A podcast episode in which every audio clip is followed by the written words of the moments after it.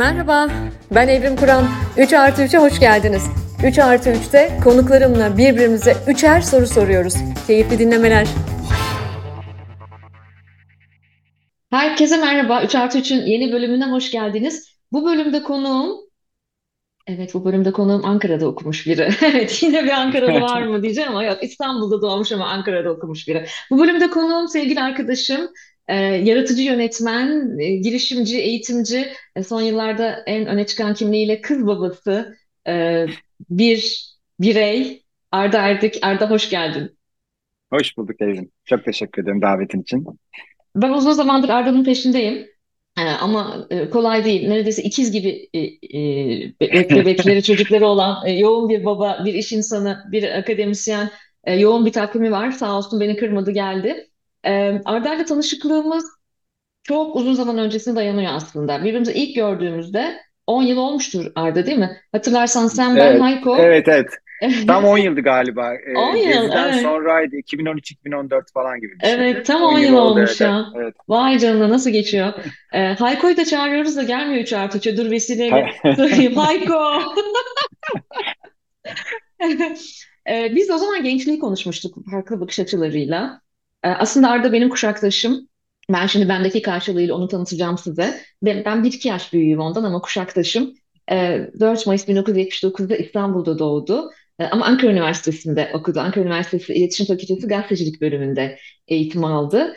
Ee, bir sürü işler yaptı üniversitede. Tiyatroculuk, filmcilik, mizahçılık gibi. Sonra ben bunların hepsini bir kombinleyeyim deyip e, reklamcılığa girdi, reklamcılığı keşfetti.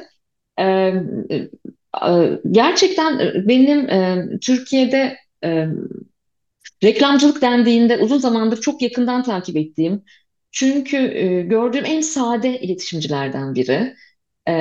Bu ağdalı iletişim unsurlarından acayip rahatsız olduğum için bana her zaman çok keyif veriyor onu takip etmek. Yazıyor, çiziyor, çiziyor da bu arada umarım ilerleyen dönemlerde daha çok çizme fırsatı da olur. E, bir süre e, Medine Turgul e, DDB'de reklam yazarlığı yaptı. E, sonra 2012'ye geldiğinde acayip bir şey yaptı. E, bundan ayrıca bahsedeceğiz. Bir kariyer molası verdi. 2012'de de o zaman kariyer molası diye bir konsept bizim memlekette yok. Dünyada vardı ama bizde bizde hala yok. Bizde biliyorsunuz ölene kadar kariyere mola yok. Ve dünyayı gezdi o sırada Arda. Bir gitti, e, geldi. İlk e, beyin göçlerimizden ve ilk tersine beyin göçü Türkiye'ye geri döndü. E, ve sonra e, bir şey söyleyeceğim Arda ya. Siz e, ajansı Tribal mı diye Ya, okuyorsunuz? ya, Türkiye'de Tribal diye okuyor. Ya burada çok ikisi de bizim hatta ajans tanıtımımızın başında öyle yazıyor. Yani bizim adımız Tribal Worldwide İstanbul ama Tribal de diyebilirsin. Sektör ya gerçekten bir grup grup insan Tribal diyor, bir grup insan Tribal diyor. İstediğini diyebilirsin. Niye biliyor musun? Kadın artist demesinler diye buradan böyle bir şey girdim. Tabii ki yani Yok yok. Tribal Worldwide, Tribal Evet evet. Worldwide İstanbul e, o. diye okumamız lazım. E, Arda Tribal Worldwide İstanbul'a yaratıcı yönetmen olarak döndü geldiğinde. E, ve 2016'dan bu yana da Tribal Worldwide İstanbul Ajans Başkanı. E, aynı zamanda Reklamcılar Derneği Yönetim Kurulu üyesi. Aynı zamanda bir hoca. E, bu dönem okula dönüyoruz artık. Gene ders vereceğim mi? Evet. Evet evet düz dönem benim derslerim. Harika. Kadir Has Üniversitesi'nde reklam yazarlığı dersleri veriyor. Ee, Tribal İstanbul'dan bahsettim ama bir taraftan da Rafa Film ve Platon Artificial Intelligence'ın da kurucu ortağı. Onun zaten Instagram'ına girdiğinizde ne demek istediğimi anlayacaksınız. Bunlar çok önemli mevzular. Özellikle genç iletişimcilerin çok ilgisini çekiyor. Ama ben bunu genç iletişimciler için değil, deneyimli iletişimciler için e, anlatmak istiyorum. Onların daha çok bunları öğrenmeye ihtiyaçları var çünkü. Gidiniz bakınız efendim. Ve e, reklam yazarlığı dersleri veriyor e, Kadir Has'ta.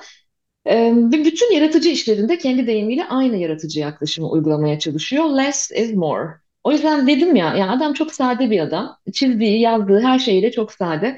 Ben bir süredir onun kızlarını yetiştirme, sevgili eşiyle kızlarını yetiştirme biçimine baktığımda da benim çalışma alanım olan o kuşağı yetiştirme biçimine baktığımda da orada da aynen bunu uyguladığını görüyorum. Çok sade yetiştiriyor evlatlarını da. Bu beni çok etkiliyor.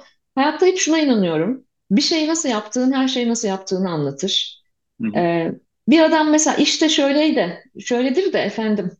Evde böyledir de babalığı şöyledir de patronluğu bilmem nasıldır da hocalığı bilmem ne falan. Öyle bir şey yok aa, bence sevgili dinleyen. E, Arda bunun çok iyi örneklerinden biri. E, hepsini aynı e, biçimde yapıyor. Hatta şimdi ben e, yayına girmeden önce benim şirketimde çalışan arkadaşlarımdan biri bana mesaj attı. Dedi ki benim e, Arda Bey dedi benim dedi kardeşimin patronu dedi. Çok sevindim o yüzden onunla yayına giriyorsunuz falan dedi. Arkamdan güzel dedikodunu yaptık böyle.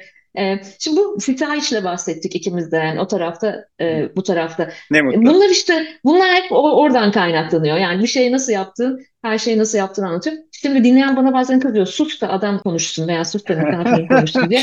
Şimdi susacağım e, ve ilk sorumu soracağım. Hazır mısın? Tabii ki buyurun. Evet efendim. Şimdi e, bir sürü sorularım var. Bunlardan üç tanesini seçmem lazım ama şuradan e, gireceğim. Hı. Biliyorsun. Hı, Pardon ben bir arada bir şey söyleyeceğim Evrim kusura söyle, bakma. Öncelikle bir, söyle. bir, e, teşekkür ederim yani güzel sözlerin için. Şey e, ben Evrim beni davet etti bir süredir davet ediyor. Yazışıyoruz arada kopuyoruz ediyoruz ama ben yani iki e, bir, bir, bir kızım bir buçuk yaşında bir kızım e, üç yaşında. E, ajansım çok yoğun başka hani başka işlerim var vesaire. Bir fır- e, zaman ayıramadım. Evrim en son artık yani şey e, mahcup da oldum. Yap, hadi yapalım Evrim olduk. Ee, ve arada da işte dinlemeye çalışıyorum e, evrimi böyle bir e, pro- program için. E, üç soru e, düşündüm evrim kaç gündür ne soracağım ne soracağım. Sonra şuna karar verdim. Ben biraz bazı işlerde böyle yapmayı seviyorum. Spontane ilerlemeyi. Gerçekten hiçbir soru düşünmedim. Şu an çünkü senin sohbetleri de dinledim. Yani evrime de bahsettim onu yani. Eski podcastleri dinlerken yani çok fazla insan dinlemeye çalışırken dalıp dalıp sonuna kadar dinliyor buldum, buldum kendimi her seferinde. O yüzden şey yapacağım. Yani çok da güzel akıyor çünkü böyle e, tatlı bir şekilde. Ben şu an sana bırakıyorum kendimi. Senin sorununu cevaplarken kendi sorumu düşüneceğim.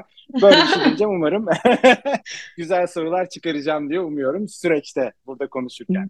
Bence hazırlanmadım, süper. hazırlıksız geldim. Süper sade ve derinlikli sorular çıkaracağına eminim. Çok eminim.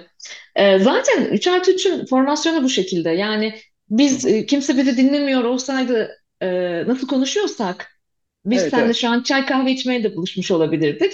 Ama şimdi burada bir de çekim yapıyoruz. Aynısını hiç kemiksiz, kılçıksız e, dinleyene aktarmak. Bence bu yüzden de teveccüh gösterdi insanlar ve çok severek dinliyorlar.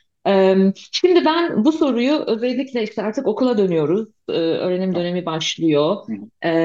Ebeveynler çok kaygılı çocuklarının kariyerleri için falan ve biz de çok kısa bir süre önce Türkiye'de 11. yılda 11. kez Türkiye'nin en çekici sektörleri ve işverenleri araştırmamızı tamamladık. Eylül ayı itibariyle Harvard Business Review'da okuyabilirler sonuçları izleyenler, dinleyenler. E, bunun, burada sizin sektörle ilgili bizim bir bulgumuz var. Bunu pek bir yerde konuşmadık Arda. E, seni bekledim açıkçası. Bir e, reklamcı, bir Süper. İletişimci bekledim. E, şöyle bir bulgumuz var. Enteresan bir biçimde. e, bir yandan kamu yükseliyor. Yani kamuda çalışmak isteyen gençler iş güvencesi sebebiyle en çok çalışılmak istenen sektörlerde kamu yükseliyor. Ama bir yandan da e, birçok konvansiyonel sektör kan kaybediyor. Ne bileyim telekomünikasyondan hızlı tüketime kadar pek çok sektör ve artık daha az çalışmak istiyor son 10-11 yıldır gördüğümüz kadarıyla gençler. Ama reklamcılık şu an Türkiye'nin yükselen sektörleri arasında. Ve bu bana çok acayip geliyor. Hatta şöyle söyleyeyim ilk onda en çok çalışılmak istenen, en Hadi çok ya. tercih eden ilk on. Çünkü bir taraftan da ben sektörümüzde yüksek bir çalışan devir oranı olduğunu da biliyorum. Yani hızlı Evet. E, çalışan devri de var bir taraftan ama dışarıdan bakıldığında gençler için reklamcılık çok ilgi çeken bir sektör. Muhtemelen tabii çok işin eğlenceli, e, keyifli, renkli, rengarenk e, dünyasını daha çok görüyorlar ama e, şimdi bir taraftan e, kombinleyeceğim soruyu. Senin bu alana ilgin nasıl başladı? E, bir yandan da e, öğrenci de yetiştiriyorsun, sektöre insan da yetiştiriyorsun. Hem okulda hem kendi şirketinde. E, ne tavsiye edersin? Yani ilk onda yer alan bir e, sektörde gençler çalışmak isterlerse, çünkü sonra çok hayal kırıklığına uğrayan e, reklamcılığa girip girip böyle çıkan gençler de tanıyorum ben. Daha gerçekçi yaklaşmak gerekirse nasıl, ne dersin bu sektörle ilgili, ne tavsiye edersin? Sen nereden Ya başladın ve bugün genç olsan gene bunu seçer okey. miydin? Ya ben e, biraz acı biraz tatlı konuşacağım. Yani çok şu an çok e, sektör olarak aslında dertli bir dönemdeyiz. Biraz oraya geleceğim. Ben yani şeye döneyim, başa döneyim. Ben e, 90'ların sonunda üniversitede e, okurken e, işte bahsettim beni biraz anlatırken. Ben okulda biraz şeydim. Ben böyle bir e, hayatı pratikten yaşayan ve e, üretmeden rahat duramayan bir insanım. E, böyle gerçekten hani tatile gittiğimin ikinci günü bir şey düşünmeye ve proje üretmeye başlıyorum. Yani değil maalesef bug'ım bu. E, ve bu ben maaleseften kastım şu bu böyle ben bana bir çeşitli yorgunluklar, fiziksel rahatsızlıklar vesaire olarak dönüyor. Ben üniversitede e, yani Ankara Üniversitesi o zamanlar özel üniversiteler bilgi ben girdiğim sene yeni açılmıştı. Özel üniversitelerin iletişim fakülteleri yoktu. Ankara ve Anadolu Üniversitesi e, en iyilerdi.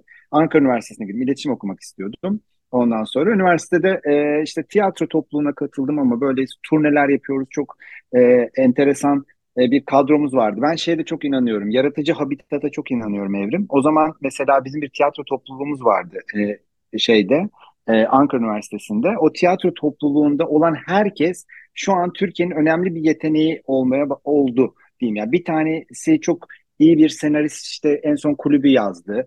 Bir, bir tanesi Onur Saylak e, işte en son Netflix'e uysalları yazıp çeken e, oyuncu, yönetmen, senarist. E, bir başka arkadaşım oradan e, şey e, çok iyi bir başka bir senarist. Hep böyle yazma işli, işiyle çünkü şey ben şey çok inanıyorum. Buna, bu, bununla da son dönemlerde çok kafayı yoruyorum. Kendi ajansım içinde.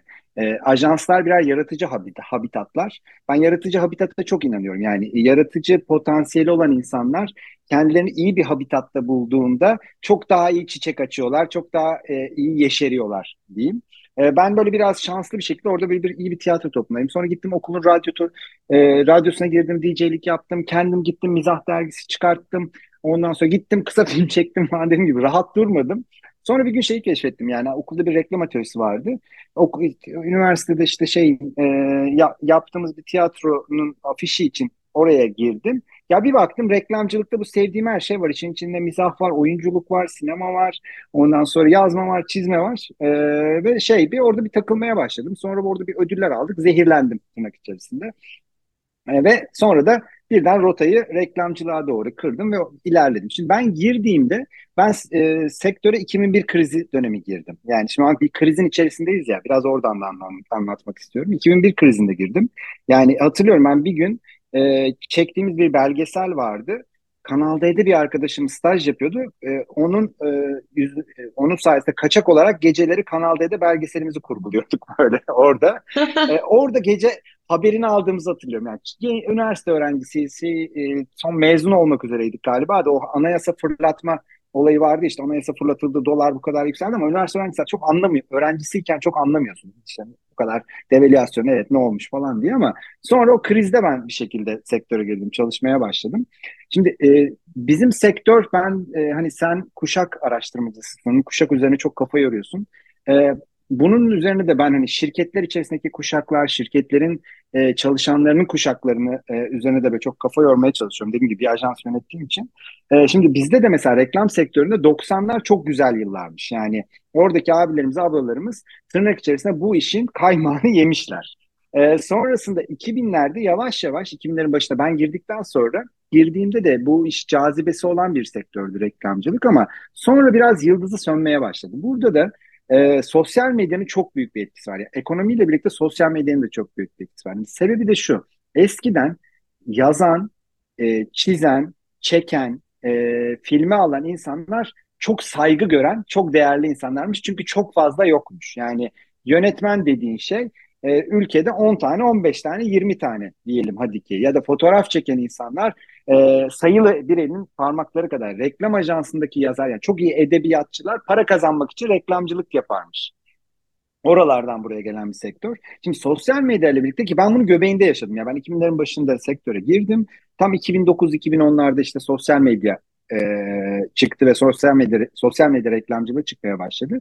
Ondan sonra aslında biz, e, bizim sektör reklamcılık sektörü bir erozyon yaşadı. Sebebi de şu. E, dediğim gibi e, şu an herkes çok iyi fotoğrafçı, şu an herkes çok iyi yazar, her şu an herkes çok iyi film çekiyor. Ben bunu şöyle bir anlatıyorum, işte abartarak anlatmak için. Biz bazen 3 ay çalışıp bir projenin üzerine gerçekten böyle 5-10 milyon lira para harcayıp bir film çekiyoruz Evrim ve o film e, işte reklam filmi 30 saniye, bir saniye bir hikaye, bir marka için bir hikaye yaratmaya çalışıyor. Arkasında 100 kişinin, 150 kişinin emeği oluyor. Işıkçısından yazarına, sanat yönetmeninden makyajcısına. Sonra onu YouTube'a koyuyoruz, 10 bin izleniyor. Ee, şuradaki apartmandaki bir genç kız şu an bir makyaj videosu çekiyor olabilir. O YouTube'a koyuyor onu 1 milyon izleniyor. Yani bu dediğim gibi 2000'lerin başında böyle bir şey yoktu ve e, ve marka içinde e, artık şey de oynamaya başladı. Hani değer e, ne ne değerli, hangisi dediğim gibi bir o kıza influencer diyoruz ya artık mesela influencer'a 50 bin lira verip o makyaj videosunda kendi markasından bahsetmek de aynı etkiyi yaratıyor olabilir. Niye ajans bu kadar 100 kişi çalışsın da bu kadar paralar harcayalım? E, bu sonuçta dediğim gibi o e, 2000'lerin yani 90'lardaki bu e, şöhretli sektör 2000'lerin başında biraz krizle birlikte erozyona uğramış. Ben onu orada e, dahil oldum. E, ama sosyal medya ile birlikte iyice bir erozyona uğradı. Yani geldiğimiz noktada aslında se- reklam sektörü çok kan kaybetmiş durumda Türkiye'de. Yani sizin araştırmada öyle çıkmış ama yani şu an e, biz de ben Reklamcılar Derneği Yönetim Kurulu üyesiyim. Yani orada da konuşuyoruz. Sektörde ciddi bir e, insan kaynakları kaybı var. Yani eskiden çünkü şöyleydi. Reklam sektöründe insanlar e, bir ajanstan başka bir ajansa giderlerdi. Yani sektörün dışına çıkma çok az olurdu. Şimdi yaratıcı e, endüstriler de çoğaldı. Yani, şöyle söyleyeyim, e, oyun şirketleri diye Türkiye'de e, şirketler çıktı. E, işte content şirketleri çıktı. YouTuber olabiliyorsun. Hani bir yaratıcı bir insansan aslında farklı yaratıcı disiplinler yani iyi bir film çekebiliyorsan YouTuber olabiliyorsun, gidiyorsun bir e, başka bir e, niş bir kanalda çalışabiliyorsun ya da e, iyi bir art direktörsen, sanat yönetmeniysen dediğim gibi bir mobil oyun şirketine giriyorsun ki Türkiye'de şu an casual mobil oyun şirketleri çok iyi dünyada. Çok iyi startuplar büyüdü, unicornlar oldular. O yüzden de reklam sektörü yani şu an %30, %40 özellikle son 2-3 yılda yetenek e, kaybetti dışarıya doğru. Çok fazla beyin göçü yaşandı. Hmm. Özellikle son 10 yılda reklam sektöründen. Çünkü Türk reklamcılar iyi. Şu anlamda iyi. Yani Türkiye'de e, mesela işte sinema anlamında da çok iyi örneklerimiz çıktı ya. Kanda artık e, şey e, en iyi yönetmen, en iyi kadın oyuncu ödülünü alan oyuncularımız, yönetmenlerimiz var.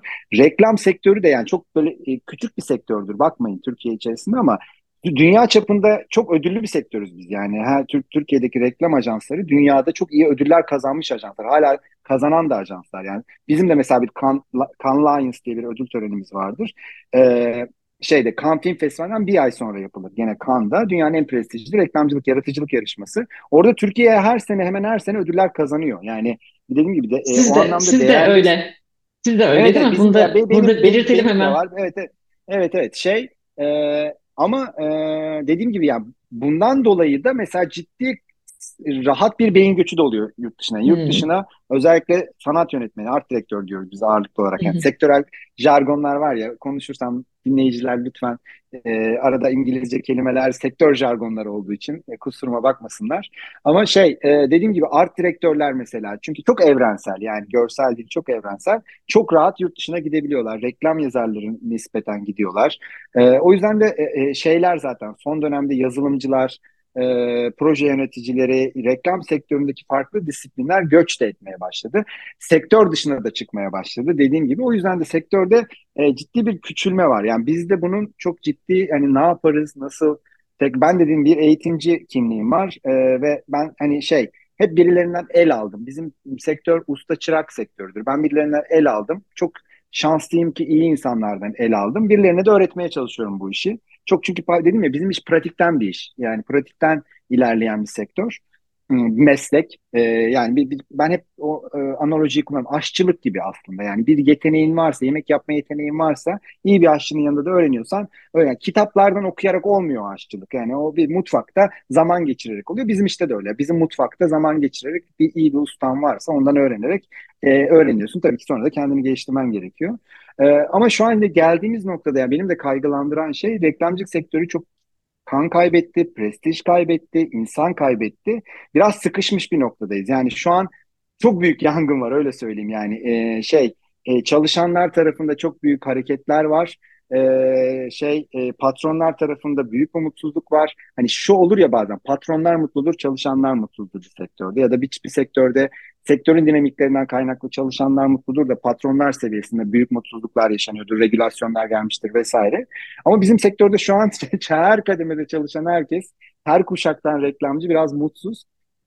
Ama dışarıdan görünen de yani şöyle de bir şey işte hani reklamcılık. içeride şey tiyatroda da vardır ya kuliste baban ölse bile çıkarsın ve e, Hamlet şey oyununu oynarsın ve seyirciye hissettirmezsin. Reklam sektörü de öyle yani içeride yangın olsa bile bizim ortaya koyduğumuz ürünler çok güzel ürünler yani yaratıcı ürünler sonuçta bir e, şey baktığınızda reklamlar popüler kültürün e, güzel öğeleri. E, hani seversiniz sevmezsiniz. Ben reklamcı olarak reklamların yüzde seksenden fazlasını seyretmeyi izlemeyi sevmiyorum. Onu çöplük olarak görüyorum. Baktığınızda birçok şeye karşıyım reklam adına. E, iyi reklamlar yapmaya çalışıyorum bu yüzden. Hani birçoğunu sevmediğim için. Ama şey e, baktığınızda da dediğim gibi cazibeli e, dışarıdan e, şey görünen genç arkadaşlar için de çalışma şartları olarak da yani e, güzel bir sektör. Yani şey e, şey açısından da çok çok genç bir sektör. Ya ben kırklarını geçmiş bir insanım. E, orta yaş krizinden değil sanırım ama yani hani 20'lerinde hissediyorum kendimi. E, ve çünkü ya öyle insanlarla bir arada çalışıyorum ee, ve ben dedim ya habitata çok inanıyorum. Yaratıcı habitata çok inanıyorum. Bana da şeyi de çok soruyorlar yani işte Arda Bey neden besleniyorsunuz? Yaratıcılığınızı neyle besliyorsunuz? Hani ben hiç o öyle mesela bana soranlara kitap saymam, film saymam, yok şunu yapıyorum, şu demem. Ya ben gerçekten yaratıcı insanlardan besleniyorum. Yani çok basit yani ben bunun hep bunun da formülün bu olduğunu inanıyorum. Yani şey vardır ya evrim işte okursun 1800'lerde Paris'te bir kafede bilmem ne ressamlar bir araya gelmişti. Zaman bütün ressamlar aynı kafeye mi gidiyor diyorsun o dönem. e, öyle çünkü yani onlar birbirini besliyor ve oradan bir şey evet. çıkıyor. İşte Amerika'da bilmem ne sinemacılar hemen bir orada bir kuşak oluşuyor. O kuşak zaten bütün her şeyi değiştiriyor. Yani bizde de öyle yani. Bir ajanslarda bazı ajanslarda dönem dönem bir kuşaklar ortaya çıkar ve o kuşaklar yani mesela hep söylerim ben e, Türk reklamcılığının şu gününü iki ajans 2000'lerin başında Alameti Farika ve DDB benim içimde bulunduğum grup. Evet. Şu an birçok ajanstaki kreatif direktörün hep yani çoğunun yolu o ikisinden geçmiştir. Vardır ya böyle öyle ekoller vardır. Onlar öyle olur zaten. Yani Paris'teki o kafe vardır işte. Amerika'daki o e, stüdyo vardır. Bütün herkes oradan çıkar. Bilmem ne'deki bir tiyatro vardır. Bütün iyi oyuncular oradan çıkar. İşte Deve Kuşu Kabere. Geçenlerde e, Metin Akpınar'ın ömrü uzun olsun hani bir söyleşisini dinledim mi? Deve Kuşu Kabere ben çocukluğumda çok dinlerdim. Dinlerdim. Hatırlarsan böyle kasetten Kasetten dinlerdik. Evet. evet evet. Ya onlar da mesela yani orası da bir habitatmış yani. Oradan herkes çıkmış yani. O Deve Kuşu Kabere'ye adımını atan bir şey olmuş ülkede. Mizah ve e, oyunculuk adına. O yüzden de hani reklam ajansları o anlamda iyi yerler. Ama şu an son dönemde çok kan kaybetmiş yerler ve bunu çözmeye çalışıyoruz. Sektör olarak çözmeye çalışıyoruz. Ama şeyi de ben söylüyorum. Geçen genç arkadaşlarım çok ümitsiz Evrim yani ülkedeki her genç gibi. Hı hı. Onlara da biraz böyle abileri olarak e, motive etmem gerekiyor. Geçecek demem gerekiyor. Hani Tarkan geçecek geçecek dedi bir akşam hepimiz iyi hissettik ya. yani birilerinden duymak istiyorsun ya ona. Tarkan dedi ve hepimiz iyi hissettik ya. O gece iyi uyuduk yani. Çok, çok ihtiyacımız vardı. Şimdi ben o geceye döndüm Gerçekten. ve e, Kocaman kadın kalktım oynadım tek başımaydım evde. Evet evet çoktu. Ben ya arabaya bindim. Arka arkaya 10 kez dinledim. Çok iyi geldi bana. Tarkan'ın geçecek demesi çok iyi geldi. Çok tuhaf. O gece iyi uyudum. Ya o yüzden de ben de böyle genç arkadaşlarıma geçecek geçecek diyorum. Geçeceğine de inanıyorum. Gerçekten inanıyorum. Yani böyle bir geçiş süreçleri her zaman sancılı oluyor. Nerede ne yani her türlü sektörde, her türlü işte, her türlü ülkede. Şu an bir geçiş döneminde olduğumuza inanıyorum ve ama şey yani benim umudum var e, ama yani dışarıdan göründüğü gibi değil onu söyleyeyim. Yani şu an beni dinleyen reklamcı arkadaşlar vardır zaten anlıyorlar ne demeye çalıştığımı. E, ama e, bizim sektör dışında olanlar da e, her şeyin çok iyi olmadığını e, bilsinler diyeyim. Aslında gene de buradan e, ümit var olalım. E, e, Reklamcılar Derneği'ne de bir selam çakalım. E, e ha, e, şu an itibariyle bu kuşak için, yeni gelmekte olan kuşak için en e, e, sevdikleri 10 sektörden biri olmaları bir ümit veriyor bana. Kendi Hı. evladımdan da biliyorum, o, onun o, e, o kuşaktan da araştırmalarımda da biliyorum. Yani yaratıcı e, an, yaratıcılık anlam yaratmayla daha çok ilgili bende. O, o anlam yaratma merakı, o yaratıcı ortamlar, e, e, sahici bir yaratıcılık. E, buraya karşı bir merakları var. Benimki mesela çok e, mühendis kafalı, mühendis zekalı, çok sayısalda çok zeki, iyi e, yetkinlikleri olan bir çocuk. E, son lise son sınıfta. Geçen sene bütün sayısal dersleri bıraktı. Milyard yolundan gidiyor. Milyard işte Kanada'da biraz erken seçiyorsun. İki yıldır e, mu- muhtemelen yani sizin sektörde olacak yani işin film tarafında, kamera arkasında olacak ve bundan dolayı çok heyecanlanıyor. Ve diyor ki önemli değil ne kadar para kazanacağım. Kendim geçindirmem yeterli. Ee, burada şöyle bir etki var. Çünkü artık bu kuşak zaten e, kendi anasından babasından daha fazla para kazanamayacağının biraz farkında. Evet. Dolayısıyla ya e, ben ama kayıyor şey, motivasyon. Şey, evet şeyi de hep söylüyorum. Yani şeyden örnek veriyorum Evrim. E, Amerika'da işte New York'ta o bahsettiğin dönemde bir üç ay zaman geçirdim. Orada bir Türk esnafla konuştuğumda söylemişti. Çok enteresan gelmişti. Yani Amerika'daki ilk kez Amerika'ya gittiğinizdeki şey insanın Türk olarak yüzüne çok büyük çarpıyor. Homeless e, olayı ya. Ben böyle çok şaşırmıştım. Yani New York'a gittiğimde gerçekten çok şaşırdım. Bir de böyle bir biraz vicdanlı bizde bir, yani bir doğu kültürüyle baktığında e, daha da fazla eziliyorsun ya yani e, böyle bir şeye. E, şimdi e, sonra San Francisco'ya gittim daha beterini gördüm. iyice böyle bir şey olmuştum. San Francisco çok acayip yani gitmeyenler için böyle bir, bir yer bazı mahalleleri Zombieland gibi. E, şey e, orada bir, bir Türk esnaf şey demişti bana yani ben şeye çok şaşırmıştım. E, hep homeless'lar batılı. Doğulu homeless yok. Çünkü şey Doğulular gurur meselesi de yapıyor. Ya Doğuludan kastım uzak Doğulular da böyle Çinliler de Türkler de. Biz kimseyi sokakta bırakmıyoruz. Yani bu krizde de bunu ben hep genç arkadaşlarımdan söylüyorum. Yani şu bizim yaşadıklarımız evrim yani. Şu an işte 2023 Türkiye'sinde ileride 10 yıl sonra bu podcast'i dinleyecek meraklı insan için de söylüyorum. 2023 Türkiye'sindeki krizin ortasından konuşuyorum. Hani şu bizim yaşadıklarımızı herhangi bir batılı yaşasaydı yani yani bi, e, bilmiyorum ne yapardı ne ederdi yani 20 kere sokaklara düşmüştü bir şey olmuştu. Biz fazla toplulukçuyuz ve o bir taraftan da iyi bir şey yani. Kimseyi sokakta bırakmıyoruz. Yani şeyden söyleyeceğim. New York'ta bir esnaf bahsetmişti. Gerçekten ben ben çok şaşırmıştım. Yani hep e, Çinliler, Çinli bir homeless yok. Türk bir homeless yok. Ya bir tane çünkü şey gurur da yapıyoruz. Bir, kimse bizden sokağa düşemez. Hemen ona sahip çıkıyoruz. Tabii. Sahip çıkmayı seviyoruz ya. Onlar bahsediyor. Bir tane Türk homeless varmış. Ona da sıradan zaten bütün esnaf bakıyormuş. Yani şey. e, öyle bir şey. Şimdi oradan şeye geleceğim. Reklamcılıkta da reklamcının homeless'ı yoktur. Çünkü bizim sektör o kadar besleyici, o kadar insanı e, kabuğunu sertleştiren bir sektör ki. Yani 10 yıl, 15 yıl bir reklam ajansında çalışmış bir insan ömrü boyunca aç kalmaz. Yani kurduğu network'ten öğrendiği ya çünkü reklamcılık yaparken aynı anda 50 tane mesleği yapıyorsun. Ben yani bir hafta içerisinde şu an benim 40'a yakın müşterim var. Banka konuşuyorum bir saat bir toplantıda. Para konuşuyorum. Dönüyorum bir taraftan Netflix atıyorum toplantı. Bir dizi konuşuyorum. Kafayı çeviriyorum. TikTok toplantısını. Sosyal medya konuşuyorum. Oradan dönüyorum. Araba konuşuyorum. Oradan dönüyorum. Çikolata konuşuyorum. Yani o kadar besleyici ki baktığında.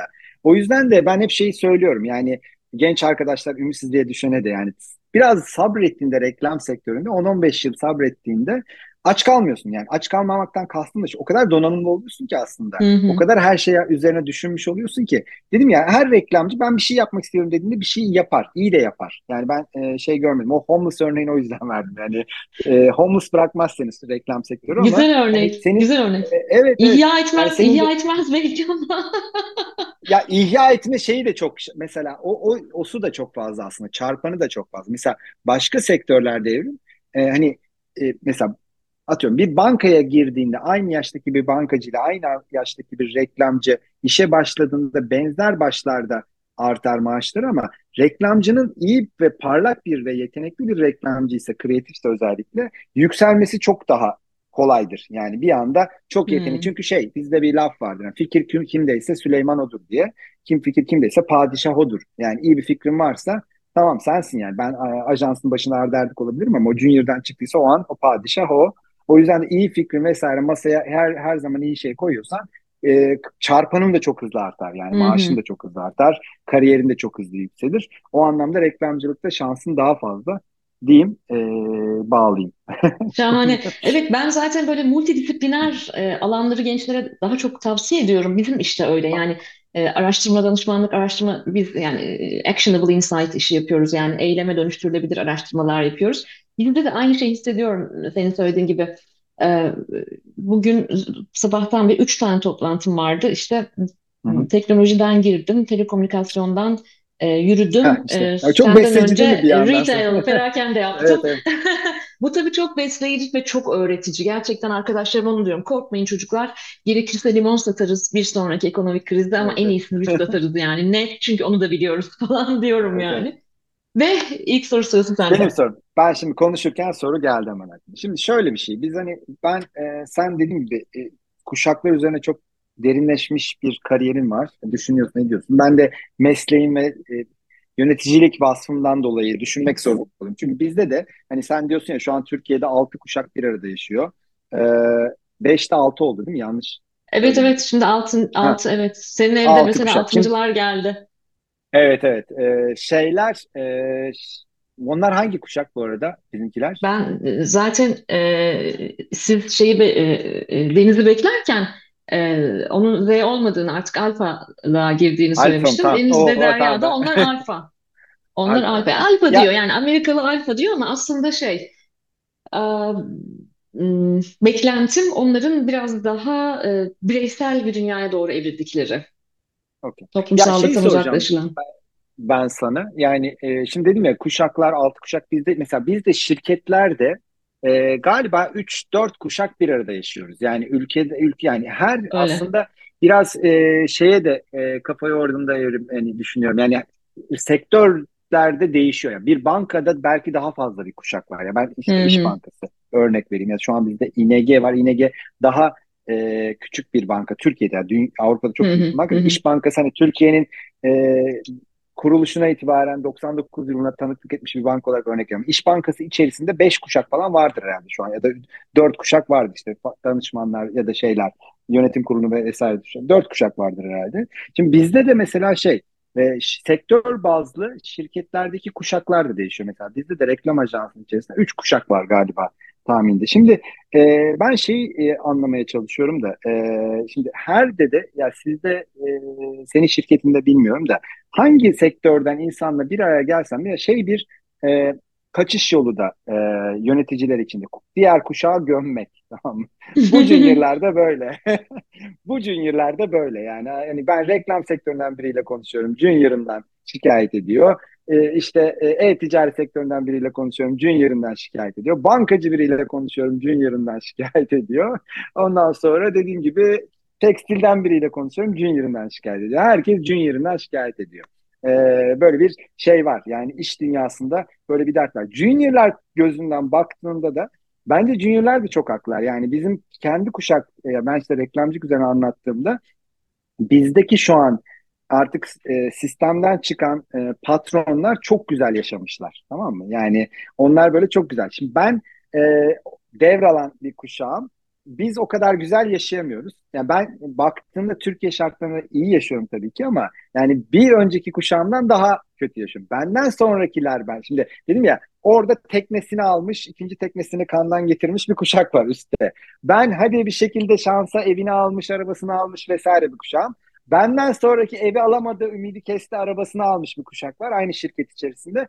Ondan sonraki gün kir kirasını ödeyemiyor. Bak yani arabayı mı evi geçtim kirasını ödeyemeyen bir kuşak var. Şimdi e, bu kuşak e, baktığım yerden dedim ya yukarıdaki e, o kuşağa söyleniyor. E, aşağıdakinin gözünden baktığında çok haklılar. Yani biz dediğim gibi herkes juniorlarını motive edememekten şikayetçi. Herkes juniorlarının e, işte çok da dağılmasından yani işte CV'ler ben e, herhangi bir CV'yi aldığımda ya ben hayatımda o kadar az iş, iş değiştirdim ki ben köklenmeyi savunan bir insanım. E, şey anlamında yani şeye çok inanıyorum. Bizim bir tabiatımız var. Bu teknolojiyle vesaire de değişmiyor. Yani e, bir döngü var. O mevsimleri yaşaman gerekiyor. O döngüyü yaşaman gerekiyor ki bir şey olasın. Yani yoksa turfanda oluyorsun eski tabirle. Turfanda da lezzetsiz bir şey yani hızlı bir şey olmaya çalışırsan. E, ama e, şimdi eski herkes e, yeni kuşaktan şikayet ediyor ya. Peki ben şey sen hani ara, şey üzerine hani kuşak araştırmacısı olarak Yeni kuşak sence yani biz biz çekildiğimizde de benim kuşağım şu an ben X ile tam Y arasındayım galiba değil mi Evrim? Ben 79'luyum. Aslında X'sin sen mı? evet ama yani batılı kaynaklara bakarsan Y'sin de e, ben Orta Doğu üzerinden okuyorum. Ha Biraz okey bizim ben X coğrafyayı yani okuyorum. tam a- a- Sen tam aradayım. bir Yani, X'sin yani a- aslında. evet evet aynen yani X'im diyeyim o zaman. Yani X'ler çekildiğinde Y'ler çekildiğinde sence bu Z'ler bu büyük büyük markalara bu büyük büyük şirketlere batıracak mı? Yani şundan söyleyeyim bu kadar söyle, söylenilen kuşak çünkü e, şu anki gözle bakılıyor sen de işte herhangi bir toplantı herkes şikayet ediyor. Z kuşağının Evet. iş dünyasında herkes şikayet ediyor ama o zaman yani çok diye dedim ya 100 yıllık 100 küsür yıllık Coca-Cola, 100 yıllık banka, işte 50 yıllık araba firması, 25 yıllık e, ajans, reklam ajansı, işte e, Apple bile bilmem kaç yıllık oldu. Ya bunlar bu markalar Z, bu şirketler Z kuşağına geçtiğinde bu Z kuşağı batırır mı sence bu e, markaları, şirketleri? Eğer e, çok güzel soru. Eğer kuşaklar arası entervensiyon dediğimiz bir kavram Hı var. hı. Kuşaklar arası etkileşimi yani kuşaklar arası e, koordinasyonu ya da halk arasındaki tabiriyle senin de ifade ettiğin gibi usta çırak ilişkisini yaşatmayı devam ettiremezsek batırırlar. Ama bu onların tek başına batırdıkları bir e, durum olmaz. El birliğiyle batırtırız. Hı Çünkü bir hı. kere gereğinden fazla sorumluluk ve anlam yüklüyoruz. Seçim oluyor, Z kuşağı sizin canınızı okuyacak diyoruz. Efendim, e, başka bir şey oluyor, Z kuşağına şikayet ediyoruz. Çevre krizi oluyor, Z kuşağına şikayet ediyoruz. Ülkede iktidarından muhalefetine, ticari dünyadan, sanattan, sivil topluma herkes birilerini Z kuşağına şikayet ediyor. Evet, E, evet. bu iş böyle değil. Yani e, o yüzden ben e, iş yaşantısında da kültür sanat ve her türlü platformda da kuşaklar arası etkileşimin çok önemli olduğuna ve usta-çırak ilişkisinin devamlılık arz etmesi gerektiğine inanıyorum. Kaldı ki kadim Anadolu kültüründe zaten ahilik anlayışı var. Evet, Zaten evet. bizim aslında hiç de uzak olduğumuz bir konu değil. Ama biraz yalnızlaştırıyoruz Z kuşağını. E, bütün sorumlulukları oraya vererek biz hiç böyle değildik diyerek. Halbuki Aristo, Sokrat bunların hepsi zaten e, gençleri şikayet ediyor. Yani bu çok binlerce yıldır bu böyle. Hepimiz şikayet ediyorduk ama Ya ben bir e, tane şey paylaştım öyle oraya gireceğim. Bir, bir Esra, denk gelmiştim böyle birleştirdim paylaşmıştım bir, bir 6-7 ay önce belki denk gelmiştir story. Ee, gerçekten de yani böyle gazete makaleleri var. 1900'lerin başında gençlerin şikayet edildiği bir gazete makalesi var. 40'larda var, 70'lerde var. evet Hiç değişmiyor. Gerçekten hiç değişmiyor. hep var ama e, biraz bunların dezavantajı şu. Bak ben bu dönemde gerçekten genç olmak istemezdim Arda. Ya ben gariban bir memur çocuğuyum. 90'larda Ankara'da şahane bir hayat yaşadım ben ya. Ne bir tiyatro kaçırdım tamam mı? E, sinema, sinema ise sinema, tiyatro ise Evet. tiyatro, edebiyatçılar. E, Ben e, içinde bulunduğum e, üretim platformlarında işte ben de farklı mecralarda üretiyorum. Ben o e, Maya'yı ben Ankara'da aldım. İşte Ankara Üniversitesi İletişim Fakültesi'nde hocalarım vardı benim. Ben Hacettepe'deydim. E, misafir öğretim görevlisi gelirlerdi. Onlardan da hı. ders alırdım. Şimdi gariban memur çocuğu olarak aslında ben çok kaliteli bir gençlik yaşadığımı düşünüyorum. Hem de 90'ların problematik Türkiye'sinde tamam Evet, mı? evet. Ee, yani erişimimiz çok daha fazlaydı. Bugün genç olmak istemem. Ee, Bugün çok yalnızlaştırıldığını da düşünüyorum ben gençlerin. Her türlü. Hı hı. O yüzden sahip çıkmak zorundayız. Bunlar ağaç kovuğundan çıkmadı. Bu yaralı, acılı dünyayı onlara biz verdik. Ee, bu kadar vasatlaşmayı, bu kadar vasatlaşılan bir ortamı onlara biz sağladık. O yüzden en azından e, birkaç yüz bin aklı başında liderin her sektörde bu insanlara, bu çocuklara, gençlere sahip çıkması gerekiyor. Ben burada sivil toplumun çok önemli bir görevi olduğunu düşünüyorum. İşte e, sizin dernek gibi derneklerin, e, vakıfların, sivil toplum örgütlerinin e, çok ciddi bir teşkilatlanma yapısında gençlerin elinden tutması gerektiğini düşünüyorum. Yetkinliklerini geliştirmeleri gerekiyor. Bunun için de sen de bir üniversitede hocasın, ben de bir üniversitede hocayım. Üniversitede artık şart bir durum değil. Ama her Evet, evet. Alan açmamız gerekiyor. Yoksa bak batırmazlar. Zaten bir sürü dert çözmekle yükümlüler. Bunlar kiralarını ödeyemiyorlar şu anda. Sen zannediyor musun ki senin kızlar, benim oğlan, bizim anamızın babamızın bize bıraktıkları kadar e, finansal faydaya sahip olabilecekler? Bugün Yok, yok, yok. sağlıklıyız, çalışıyoruz. Yarınla ilgili hala bizim de hiçbir garantimiz yok aslında baktığında. O yüzden bu seneki araştırmamızda e, öğrenciler, Z kuşağı, Türkiye'nin üniversite öğrencileri e, 30 küsür bin e, gençten iç Hı görü hı. çektik bu sene. E, ilk defa bir şey oldu Türkiye'de Arda. Normalde purpose yani ulvi amaç yani karlılığın Evet, evet. ötesinde fayda yaratma konusu Varoluş sevgili amacı. dinleyen. Evet. evet. Varoluş amacı. Yani ülkü de- denir aslında bunu da siyasallaşmış bir kelime olduğu için kullanmıyorum pek. E, bu e, pek bizde dünyada biz birçok ülkede yapıyoruz araştırmayı. Türkiye'de pek bu e, değer görmezdi. İlk defa bu sene en önem verdikleri ilk 20 unsur arasına girdi. Niye? Çünkü artık paranın, finansal kaynağın, kapitalizmin altın tepside sunduğu veya ağzına sürdüğü e, balın aslında sürdürülebilir olmadığını, erişilebilir de çok kolay olmayabileceğini gördükçe acı çeken bir dünyada nasıl anlam yaratabiliriz'e doğru kaymaya başlayan bir kuşak. O yüzden bence transformasyon olacak sektörlerde. Batması gereken batacak bence Arda. Hı hı. Ama çağı iyi okuyan ve gencini seven, gencine sahip çıkan, çocuğuna, gencine sahip çıkan sektöre bir şey olmayacak. Hani bir taraftan da feministim, e, kadını kazan derler ya yani kadına önce yatırım yap falan.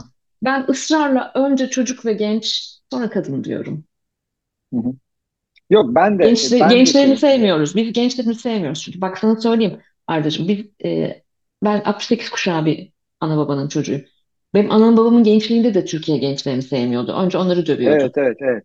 Öyle öyle. Türkiye'de yani yaşı büyütüp idam ediliyordu bir dönem Hı hı. e, gençler tamam mı? Sonra 80'ler, 90'lar. Türkiye genel olarak gençlerini sevmiyordu. Artık böyle bir lüksümüz yok. Yarısı genç bu nüfusun. Ama Ya hala karar vericileri görüyoruz. işte şeyde üzülüyorum Evrim. Ben de yani dedim biraz o yüzden hani senden bunları duymak için sordum da e, yani ben de sen dedin ya ben de memur çocuğuyum.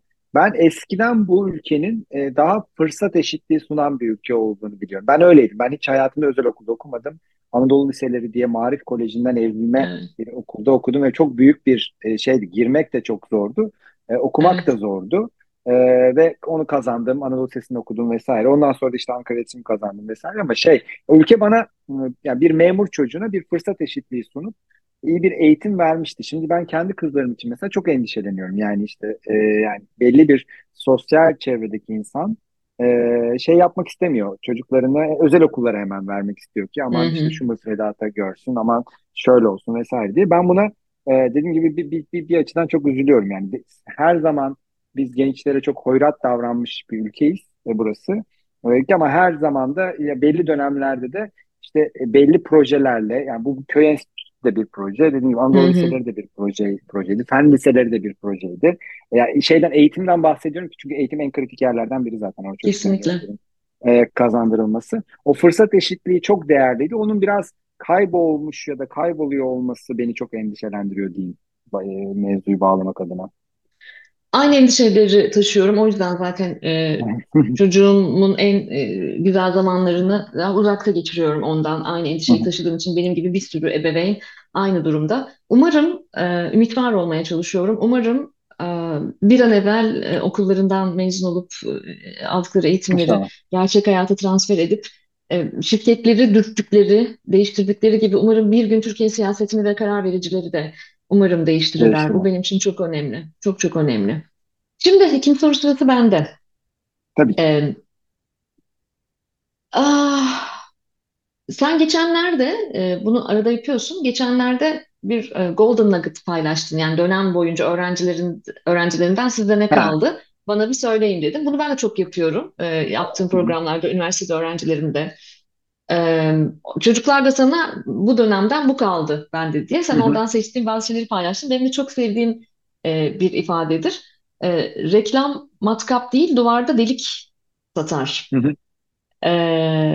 Bu çok hoşuma gidiyor. Bunu ama birinin anlatması lazım. En iyi sen anlatırsın. Çünkü çok e, uyduruk bir ve vasat altı uyduruk bir sıkıcı bir iletişim dünyamız var şu an Türkiye'de. Baş, başlıcası siyaset iletişimi. Sürekli seçim olduğu için hani Evet. sürekli buna maruz oluyoruz. Sonra da e, tüketim alışkanlıkları ile ilgili yani tüketici pazarlaması tarafında da öyle. E, ve artık çok kirlendik sanırım. Ayırt edemiyoruz. Çünkü bence şu an Türkiye'de çok fazla matkap e, satılıyor. Matkap iletişimi yapılıyor. Ne demek reklam matkap değil duvarda delik satar. Ya şu aslında reklam özetle fayda satar. Yani e, ben hemen şeyden bahsedeceğim. Dedim ya e, sana da e, tam böyle bu kayıda yetişmek için arabamı park ettim ama a- ajanstaydım. Ajanstan eve gelirken de şey Alpan Manas'ta olan söyleşinizi dinliyordum. Orada da ke- orada kendim bahsetti. Tam bahsettiği şey. Hani Samsung ve Apple iletişimler üzerinden Evet. e, bahsetti ya hatırlıyor musun? Orada şey dedi yani Samsung anlatıyor da anlatıyor işte. O çıkarıldığı madeni vesaire vesaireyi anlatıyor. Aslında Samsung matkabı anlatıyor orada. Apple ne yapıyor dedi. E, alıyor e, MacBook'u bir zarfa koyuyor ve bitiyor. Yani 10 saniyede orada her şeyi anla- anlatıyor. Aslında bu tamamen bu yani. Matkabı e, bazı yani genelde düşülen tuzak o. Yani bizim sektör dediğim gibi çok basitçe anlatmam gerekirse e, insanlar matkap satın almazlar. Yani insanlar o çocuklarıyla olan fotoğraflarını duvara e, asmak isterler. O duvara asma e, eyle, duygusunu satın alırlar. Reklam özünde duygu satar. Markalar da duygular satarlar. Yani gidersiniz bir rafta birbirinin aynısı beş tane süt vardır. Bir tanesini alırsınız. Onu size aldıran o, onun üstündeki markanın yarattığı siz, sizde yarattığı duygudur. E, öz, yani en basit tabiriyle bu. Ama şimdi bu e, şöyle de bir yere geldi e, evrim. Yani ülkedeki o kültürel ve sosyal değişim özellikle e, yani son işte Yani böyle bir, bir son 20 yıl var. Ondan önceki e, Hı 90'lar hı. enteresan bir dönem. 80'ler Turgut Özal dönemi enteresan. Türkiye hep böyle bir e, değişimler yaşamış bir ülke ya. Yani hep böyle bir e, looplamış da bir ülke. Hı E, yani biz 10 yılda bir darbe yaşıyoruz. 10 yılda bir ekonomik kriz yaşıyoruz. Hep böyle bunları looplaya looplaya yaşıyoruz. O, o yaşadığımız ekonomik krizden başka bir şey ortaya çıkıyor. O yaşadığımız darbeden başka bir e, çağ açılıyor kısa dönemli. E, şimdi reklamlar ben şunu şöyle anlatıyorum. Yani mesela 2000 yılından marka söylemeyeyim şimdi de birçok örnek marka verebilirim. Reklamcısı değişmemiş markalar var. Yani bir marka var şimdi aklımda.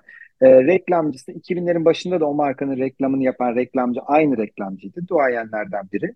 E, 2023'ünde de aynı reklamcı yapıyor. O markanın 20 2020 yılı ile 23 yıl arası reklamlarını yan yana dizseniz gerçekten tam tersi sıralama zannedersiniz. Yani o kadar güzel reklamlar varken 2020'lerin başında şey 2000'lerin başında çok özür diliyorum yani 20 deyip duruyorum. 2000'lerim yani 2000, 2000 ve 2023 arası diye düşünün. 23 yıl. Ondan sonra 2000'lerin başında çok güzel reklamlar varken böyle 23'te saçma sapan bir hale geliyor o reklam. Şimdi bunun bir sürü sebebi var. E, bir dediğim gibi ülkedeki e, sosyo-kültürel değişim, e, medya değişimi, çok e, işin yapılış şeklinin değişimi. O böyle bir arka arka değil mi? Sosyokültürel bir değişim var toplumda. E, para el değiştiriyor. E, dediğim gibi yeni toplumsal sınıflar ortaya çıkıyor. Onların farklı e, medya tüketimleri ortaya çıkıyor. Medyada inanılmaz bir değişim var. Yani e, televizyon çağından e, dijital çağına bir geçiş var.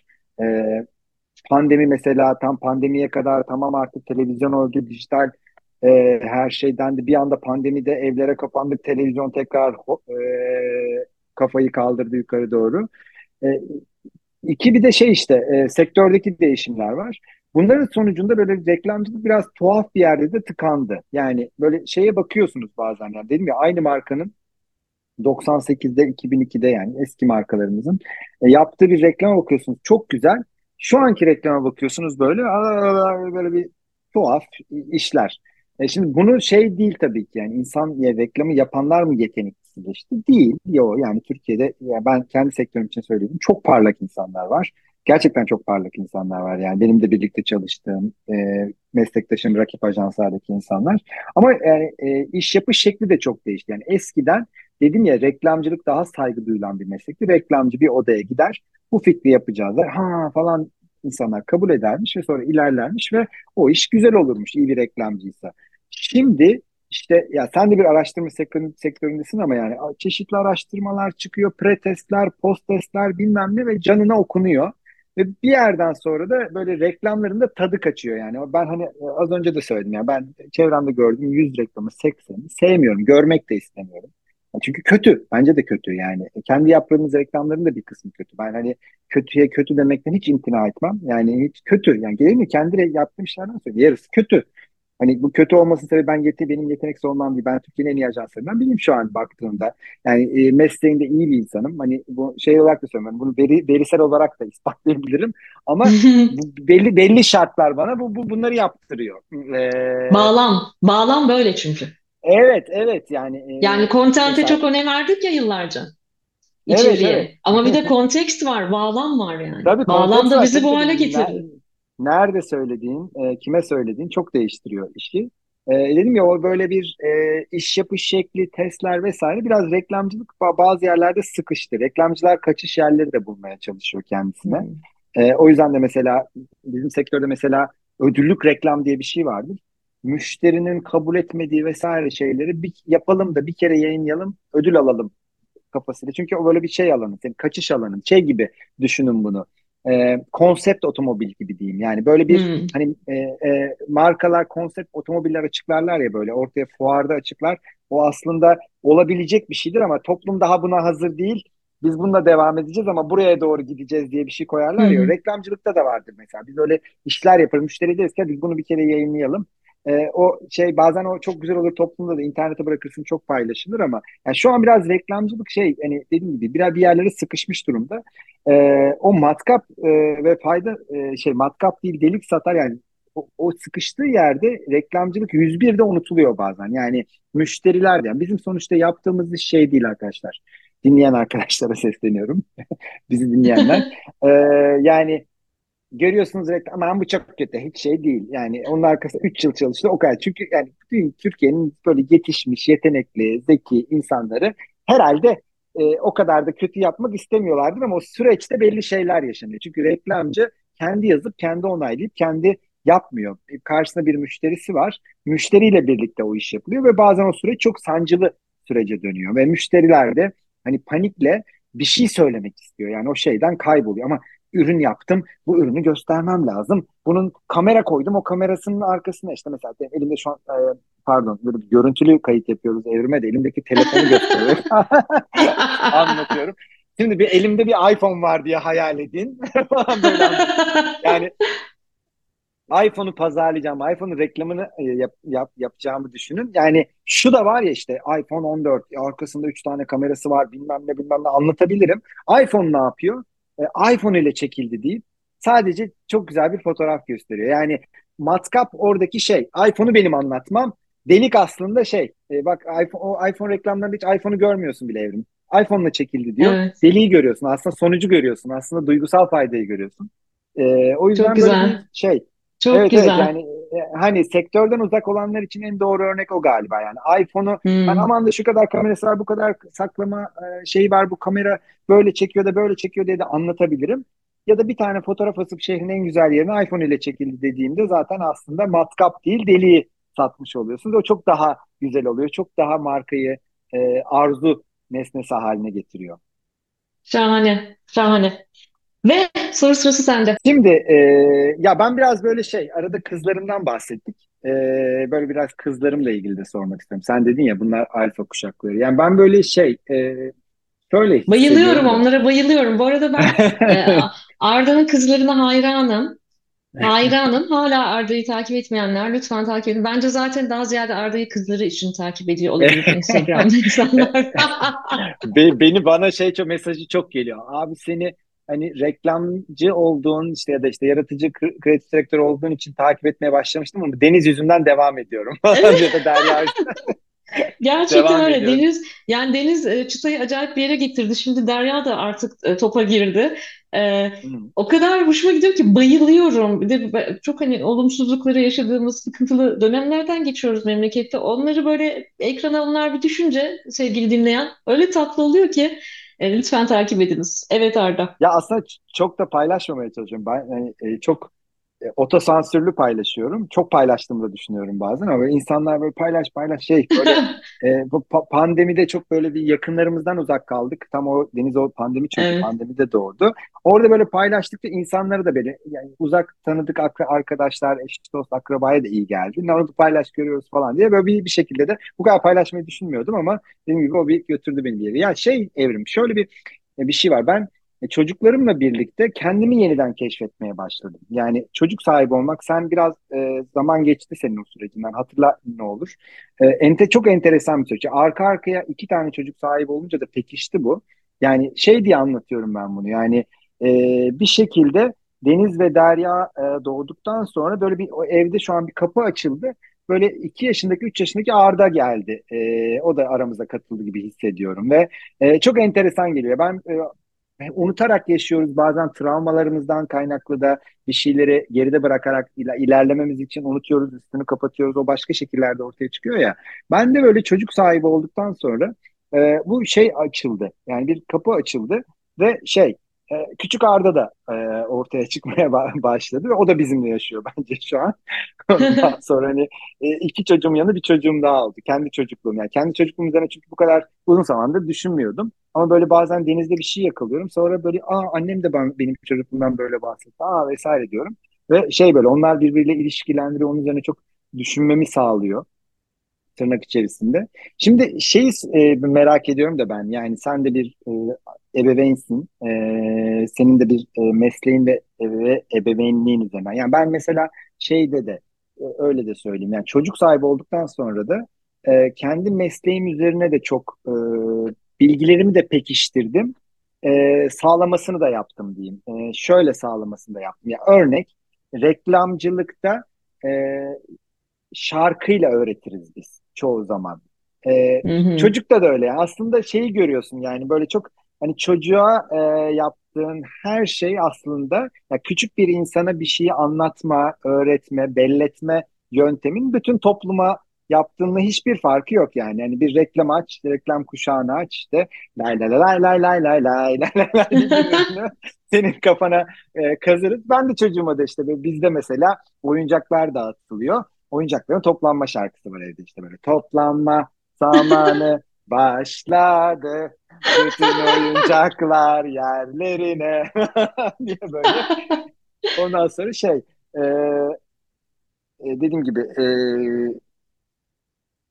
bunda böyle bir, bir- bunu da mesleğimi de e, çok öğren tekrar sağlamasını yapıyor oldum çocuklarım üzerinden. E, neyse e, ve yani çok karmaşık bir duygu ya ebeveynlik. Yani e, bir hı. korku çok fazla değil mi? Çocukluğum tekrar ortaya çıktı. Benim yepyeni korkularım ortaya çıktı. Bambaşka kaygılarım ortaya çıktı. Çocuklardan sonra parayla ilgili ilişkim değişti. Çünkü çok ciddi bir gelecek kaygısı ortaya çıktı.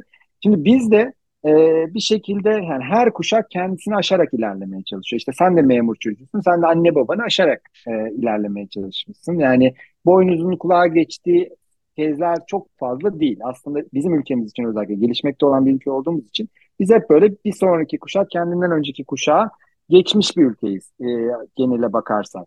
E, şimdi ben çocuklarım üzerinden şeyi bunu düşünürken yani bu işte kuşaklar mevzusu biraz oraya geleceğim.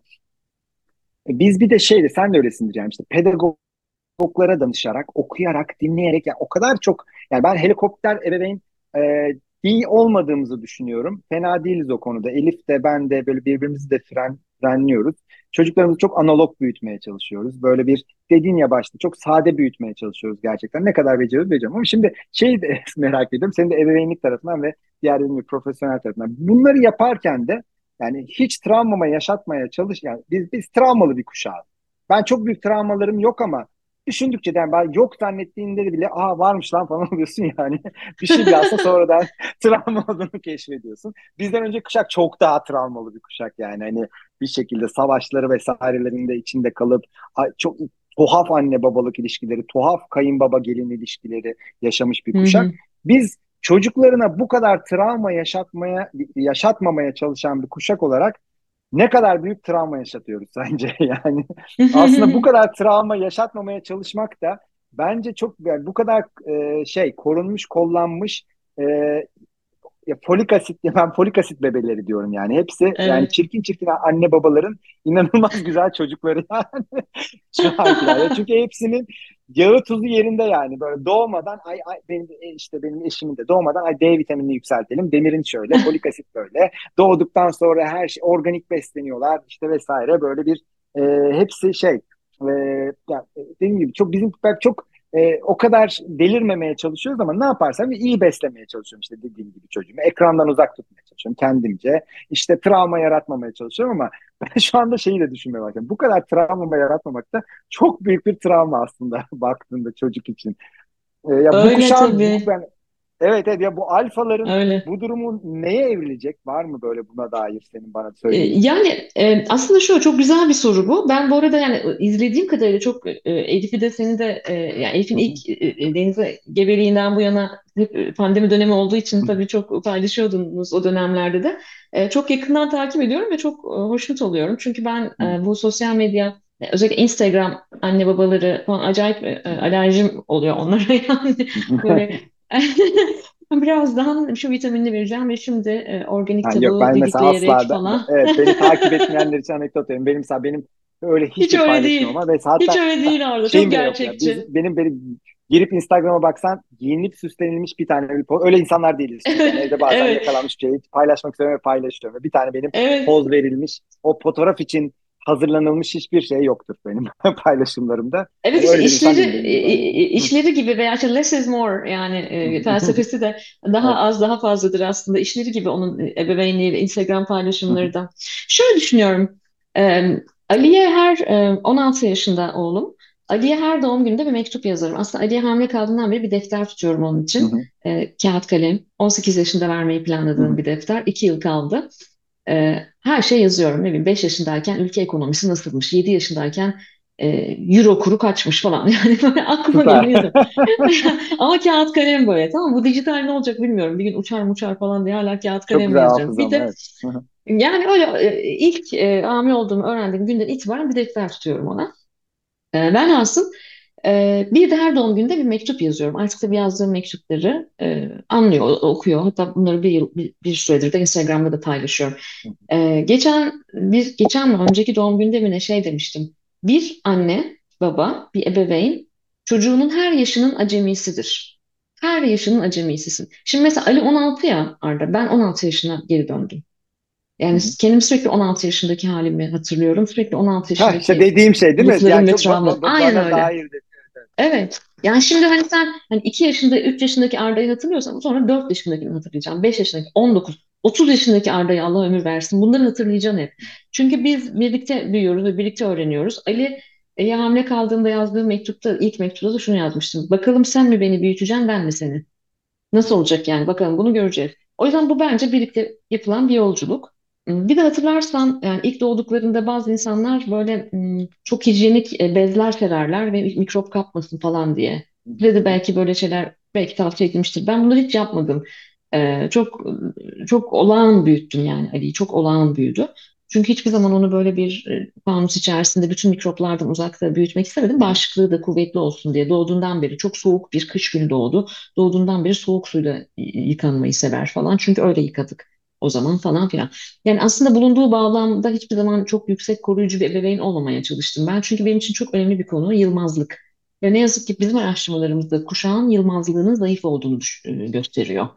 E, o da mi? aşırı Evet. koruyucu ebeveynlikten. Evet yani aslında en büyük travmayı bu kadar çok koruyarak yapıyoruz. Ben onun için şunu söylüyorum. E, kitaplarımda da bunu yazıyorum. Konuşmalarımda da bunu söylüyorum. Bir, bırakın sıkılsınlar. Çünkü bunu en iyi sen bilirsin. Evet. Yaratıcılık için bir kere sıkılması Tabii tabii. gerekiyor. Yok biz onu Oyun kurması mesela. için değil mi? Evet. Yani bırakın sıkılsın ama biz izin vermiyoruz ki Türk ebeveyni olarak sıkılmasına. Yani çok klişe bir örnek ama gerçekten bütün restoranlarda çocukların önünde telefon ve tablet görebilirsin. Halbuki sıkılsa orada belki masa altında bir oyun kuracak. Öyle değil mi? E, veya işte e, eline yüzüne bulaştırarak e, yeme deneyimini yaşaması gerekiyor bir taraftan. Bir başka söylediğim şey de biraz rahat bırakın, bırakın hata yapsınlar. Hata yapsınlar. Çocuğun hata yapması gerekiyor rezilyansının, yılmazlığının gelişmesi için. Çünkü yılmazlık düşmek ve sonra tekrar kalkmak, bounce back hı. etkisi. Ama sen düşmesine izin vermezsen kalkmasına da izin vermeyeceksin. Bak sana çok ilginç bir şey söyleyeyim. Dünyanın hiçbir yerinde veli WhatsApp grubu diye bir şey yok. Evet bizde ya. Ya o ayrı ya. Oradan ne diziler ne filmler çıkar Değil yani. Böyle bir şey yok. Dünyanın hiçbir yerinde yok yani. Ben yani Kanada'da çocuk büyüttüm. Ee, yok öyle bir şey. Bir gün Ali'yi ilk okuluna kayıt ettirmeye götürdüm. Çok küçük o zaman işte daha ilkokul çağında. Ee, şeydi ben zaten Türkiye'de de Ali anaokulunu ve ilkokulun ilk yıllarını okuduğumda veli WhatsApp gruplarında olmuyordum genelde. Eleştiriliyordum da hatta bu yüzden. Sonra işte Kanada'daki okula götürdüm. Oradaki müdür hanıma şey dedim. E, işte başka sorunuz var mı falan dedi kayıt mayıt. Dedim şey dedim veli WhatsApp grubu var mı dedim. Kadın o ne dedi. Ben yarım saat bunu anlatmaya çalışıyorum. Veli, veli yani ebeveyn, WhatsApp. Kadın dedi ki ne WhatsApp'ı zaten biliyorsun. Kuzey Amerika'da pek WhatsApp. Nasıl yani WhatsApp? İşte veli geliyor, ödevini soruyor WhatsApp'ta falan. Şimdi çocuk e, kitabını unutuyor, veli WhatsApp grubunda ders çözülüyor. Ödevini unutuyor, efendim tişörtü okulda tabii. kalıyor, ayakkabısını. Bırak bir bedel ödesin, bırak bir acı çeksin, e, bir kendi problemlerini çözmeye çalışsın. Bizim jenerasyonun böyle bir avantajı vardı tabii ki. Vardı Teknoloji vardı. bu kadar e, insancılığımızın da önüne geçmemişti. O yüzden e, çok e, avantajlı olduğumuz yanlardan biri de bu. Velhasıl e, sıkılmalarına ve hata yapmalarına izin verirsek e, bence o zaman daha az travmatik bir e, bagaj bırakacağız bu çocuklara. O yüzden ben e, çok e, zorlayıcı da buluyorum hayatlarını ve inan Arda sosyoekonomik seviye fark etmeksizin bu böyle. Öyle öyle. Hani Evet evet. İşte bilmem e, e, bilmem ne mahallesindeki veya bilmem ne kentindeki garibanın çocuğu da mı öyle dersen o da kendi kaynaklarınca e, oradaki ebeveyn de helikopterlik yapıyor. Halbuki biraz e, bedel ödemeyi, dirençli olmayı, yılmaz olmayı öğrenmeleri için bu kadar hijyenik büyütmememiz gerekiyor diye düşünüyorum. Ve biz ebeveynlerin hata yapmaya iznimiz var, izinliyiz. Biz de hata yaparız. Bir sürü hata yapıyorum ben. Çok beceremediğim yerde bir terapistim var, gidiyorum danışıyorum. Çünkü benim ergen bir çocuğum var. Bir sürü elime yüzüme bulaştırdığım şey var. Bak güya ben bu işin uzmanıyım. 23 yıldır çok üzerine çalışıyorum. Ama şu an bir ergen annesi olarak bin tane hata Başa yapıyorum. çıkamıyorsun belli noktada değil mi? Tabii. Evet, bin tane hata yapıyorum. Ama güzel olan şey ne biliyor musun? Özür dilemeyi öğrendim Ali'den. Özür dilemeyi öğrendim. Özür dilemenin ne kadar büyük bir erdem olduğunu öğrendim. Ali kaç? 16. Tam 16 mı? 16. 16. Er- Evet. erkek için de 16 çok zor buçuk. dönem. Evet, 16 buçuk ve e, bir de biraz biz erken e, ayrıldığımız için yani 15'inden beri yalnız e, böyle tatillerde bir araya geliyorsa e, yalnız yaşıyorum ben gibi böyle hallerde o. O yüzden e, bu da böyle bir şey, bu da böyle bir süreç ama her yaşında acemi olacağız. Onu çok net biliyorum ve her yaşında da kendi e, hayatımıza, kendi Ya öyle öyle. döngülerimize döneceğiz. Burada çok e, ebeveynliğin çok keyifli bir tarafı, nasıl ele aldığına bağlı. Ve geldik benim son soruma. Buyurun. Efendim, son sorum şu. E, zor soruları sana bırakıyorum. Tabii ki. E, ve o yüzden de konuklarıma soruları vermezsen gelmem demedikleri için çok teşekkür Yok. ediyorum. Çünkü öyle insanlar da olabiliyor. E, Arda hiç e, siyaset iletişimi teklifi aldınız mı diye soruya giriş Aldım. yapıyorum ve devamını Oo, getireceğim. Tabii tabii hemen buyurun. Ama yapmadın. Ee, yok yapmadım. Peki hiç yapmaz mıydın? Nasıl görüyorsun? Neden bunu soruyorum? Çünkü yeni bir iki buçuk yıllık bir neredeyse iletişim karmaşası olan bir seçim, e, genel seçim sürecinden çıktık. Ee, uzun sürdü. Ee, Bu son genel Hı seçimin hı. iletişim süreci uzun sürdü. Zaten o sırada da biliyorsun reklamcılar da kendi arasında kapışıyor, araştırmacılar kendi arasında kapışıyor falan. E Şimdi yeni bir sürece daha girdik. Mart'ta da önümüzde yerel seçimler var. Bu sefer artık kişisel markaların daha çok ön plana çıkacağı bir başladı. Birkaç gün önce başladı. Ee, saçma sapan işte video klipler falan filan dönmeye başladı. Bunlar bayağı artacak. Çok kirli buluyorum ben bu arada bunları da. Ne düşünüyorsun sen bu işin profesyoneli uzmanı olarak? Ya E, niye e, şey almadın ve e, ne olsa alırsın? e, bir şundan almadım. Yani ülkeye güvenmiyorum. Yani şeyden Hmm. güvenmiyorum. Ya dediğim gibi e, zarar göreceğimi düşünüyorum tırnak hı. içerisinde. E, kariyerimin, özel hayatımın her anlamda e, hiç sonuçta e, iki e, şey yani bu mesela ülke tarihinde çok e, başarılı reklamcıların çok başarılı seçim kampanyaları var. Yani e, Özal'ın e, metinlerini yazan zamanındaki e, insan çok o zamanın iyi reklamcılarından biri. İşte zamanında SHP'nin o limon gibi sıkılıyoruz kampanyalarını Hı. falan belki bilirsin hatırlarsın e, Tabii tabii. 90'lardaki. Unutulmaz bir kampanya. Kimin Evet evet iletişimi? Arda Limon. Limon sizi limon gibi sıkarlar. Ee, Ege Ernartlar mı? Yani çok yan- Hı yanlış söylemeyeyim Evrim ya. Yani Özal sonra döneminde de a- referandum, referandum iletişimi mi? Tişörtler ya o giyilirdi. Özal'ın o kalem kullanmasından hı. yazdığı metinlere kadar arkasında iyi bir reklamcı var yani. O dönem iyi reklamcı. Yani şey çünkü şimdi e, reklamcılar sonuçta hani yani siyasal iletişimde de politikacı da bir ürün, parti de bir ürün. Aslında Tabii. bunun belli doğruları var.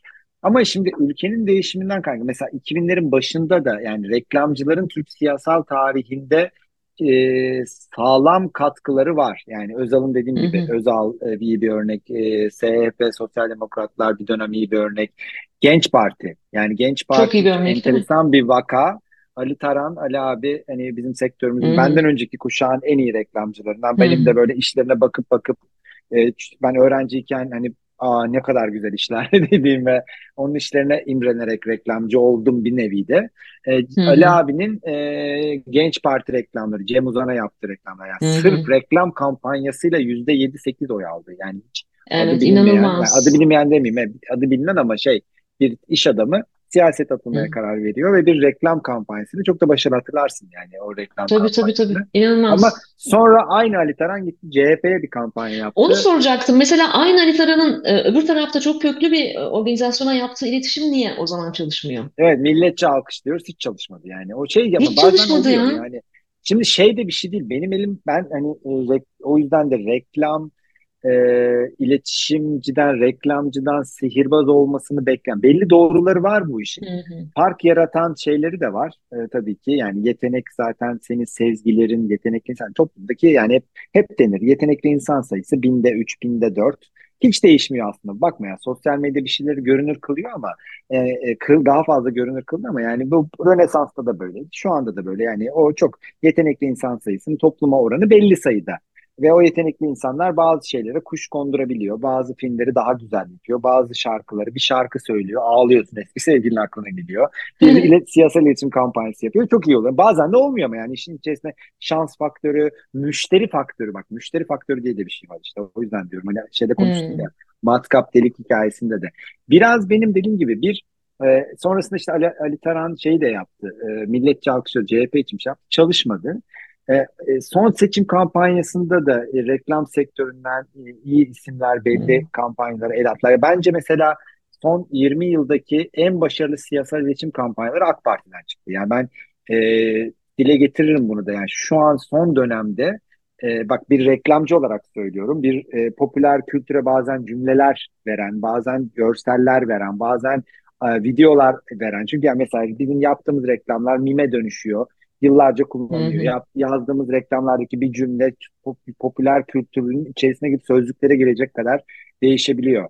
Ee, ama son 20 yılın Türkiye'deki en büyük iletişimcisi e, AK Parti'dir. Yani AK Parti şey e, öyle e, e, güzel yönetti ki şeyi e, algıyı ve e, popüler kültür şey kavramlar yaratma konusunda mesela AK Parti'nin kavramlar yaratma e, becerisi çok iyi bence. Yani şey hani paralel yapı ee, ana- hep böyle bir şeyi yani bir şeyi şey yaparak evrim. Yani çok enteresan yani. Ee, o onun Evet. üzerine de böyle bir anlamaya çalıştığım için e, bir şey bu mesleğin içinden ve bu ülkenin vatandaşı olarak anlamaya çalışıyorum. Bak hep böyle bir e, ötekiliş ötekil, ötekileştirirken de birleştirirken de gündemi değiştirirken de çok güzel kavramlar atar e, ortaya e, Evet. AK Parti.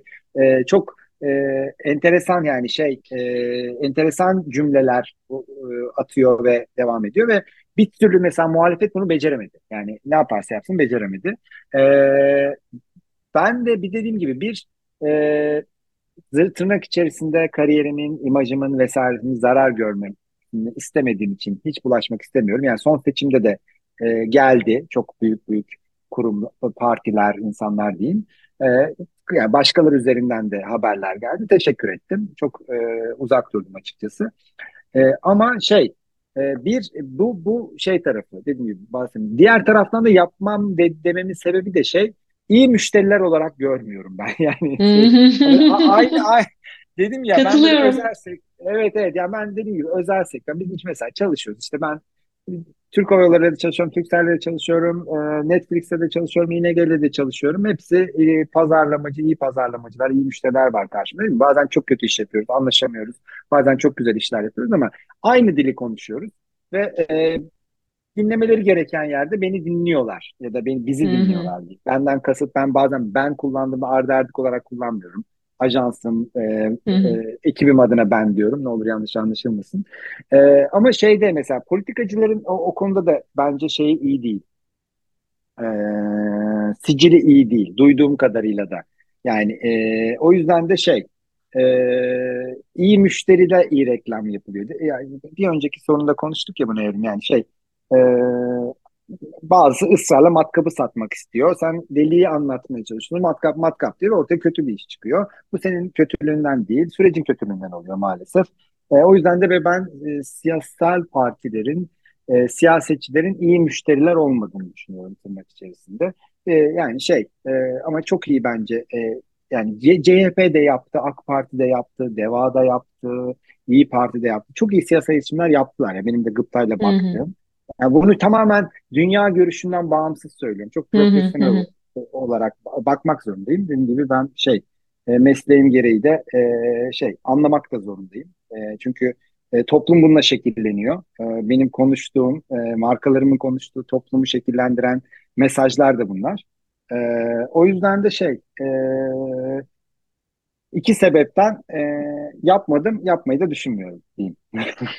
Çok e, teşekkür ederim. Açık kalplikle cevap verdin. Ben de e, iyi müşteriler olmadığını düşünüyorum. Benim için de iyi müşteri çok önemli. Ben de e, uzun yıllardır gençlik iletişim stratejileri yazan ve araştırmaları yapan biri olarak gerçekten iyi müşteriler olmadıklarını düşünüyorum. Bunun sebebinin de e, dünyayı koca bir matkap olarak ele almaları olduğunu düşünüyorum. Evet, evet, aynen, aynen. Koca bir Yani matkap e, e, ve bu da sıkıcı bizler için. Bizim gibi e, yani e, yaratıcı unsurları işin içine katmak isteyen e, insanlar için oldukça sıkıcı. Ondan sonra da işte ama ne Ya oluyor? Hani bunu ya, sen yapmayınca da gidip acayip acayip insanlar yapıyor. O da ayrı bir konu işte. öyle O da her öyle. seçiş Ya bir işte vazgeçiş. biz senle hani bak bu sohbete başlamadan, kayda başlamadan bu e, sağlık e, üzerine konuştuk ya. Ya şeyden Evet. örnekleyebilirim. Yani ben e, bedenimi tanıdıkça bir mesleki olarak zaten bir yetim var. İki bedenimi tanıdıkça da bizim meslekte iyi brief vermek denir. Yani iyi müşteri olmaktan hı. kastım. Derdini çok iyi tanımlarsan derman buluyorsun. İletişim, iletişim olarak derman buluyorsun karşıdan.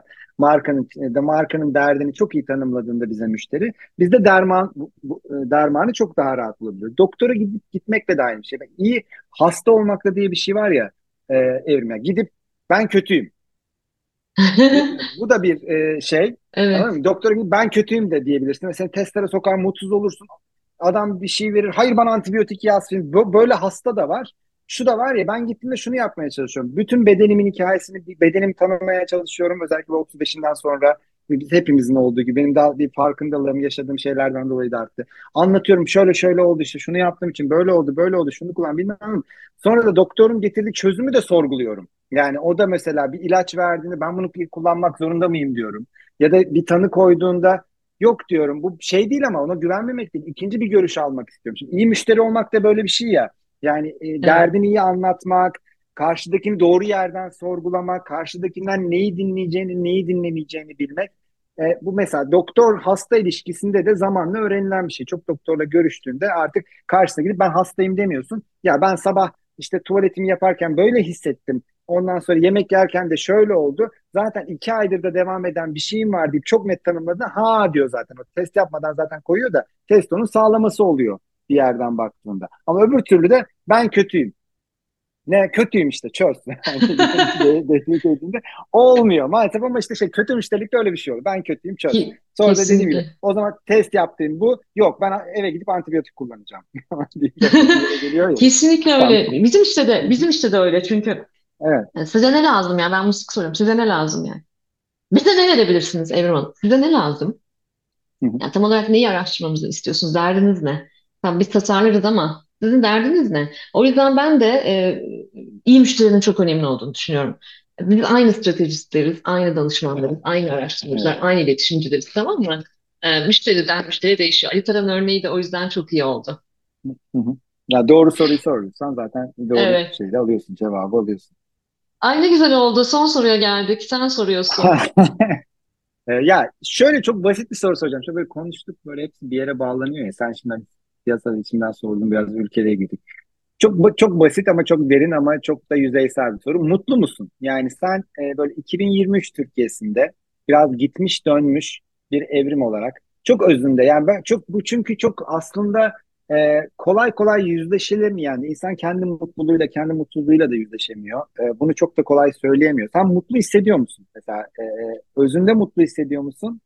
E, özünün dışında da mutlu hissediyor musun diye Çok teşekkür ederim. E, harika bir soru ve e, e, uzun süredir bunu bana kimsenin sormadığını fark ettim bu arada. Birbirimize bu soruları soracak vaktimiz bile yok belki de. Evet. Hep böyle başka E, şeyler konuşuyoruz ya böyle aslında şey, evet, şeyden sordum. Böyle bir hepsinin evet. bağlandığı bir yer var yani. O işimiz, dünya, ülke, çocuklarımız böyle hepsinin bir anlam arayışında vardı. Tek bir yer var. Mutlu muyum, değil miyim? Ee, merak ettim. Gerçekten de çok merak ederek sordum. Mutlu musun? Ya e, çok çok güzel bir soru. Çok teşekkür ederim. Ee, şimdi e, bunlar evergreen yayınlar. Yani e, bazen e, bir buçuk sene önceki bir bölümü de dinleyebiliyor dinleyici. O yüzden hemen söyleyelim. E, Eylül ayının ilk günleri çekimi yapıyoruz. 2023'ün Eylül'ündeyiz. 2023'ün sonbaharına girdik ve ben 15 ay önce Türkiye'ye kesin dönüş yaptım. E, 6 yıl Kanada'da yaşadıktan sonra 15 ay e, önce Türkiye'ye kesin dönüş yaptım. Çok büyük beklentilerle, büyük bir heyecanla. Çünkü benim için mutluluk böyle anda kalmak, anı yaşamanın ötesinde anlamlı bir hayat yaşamakla ilgili bir şey. Yani bir ben mesela bir derdi çözmeye çalışırken de mutlu olabilirim. Ee, anlamlı bir şey işe yaradığımı hissediyorsam, anlamlı bir iş yaptığımı hissediyorsam. Ama benim anlam eksenim kaydı bir süre önce. O yüzden mutlu değilim. Ben şu anda hı, mutlu değilim.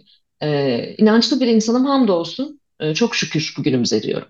Eğer bu anlamlı bir hayata bizi götürecekse e, yani o işin başka bir spiritüel boyutu. Ama ben bir süredir Türkiye'de mutlu değilim ve Türkiye'ye geri dönme kararımı sorguluyorum. Üstelik ben göç, tersine göç, beyin göçü konularında da çalışan ve e, bu alanlarda da politikalar üretilmesi için Türkiye'de çok mücadele eden biri olarak acaba gerçekten e, erken mi döndüm, hata mı ettim, geri dönmeli miyim soruları e, beni çok yoruyor. Bunun sebebi de şu Arda. Ee, ben Türkiye ile bağımı hiç koparmamıştım ama günün sonunda 6 yıl boyunca bir turist gibi gidip geldim. İş için geldim, gittim, geldim, gittim. Ee, bazen ay, her ay geldiğim oldu. Yani yılda en az 6-7 kere Türkiye'ye geliyordum.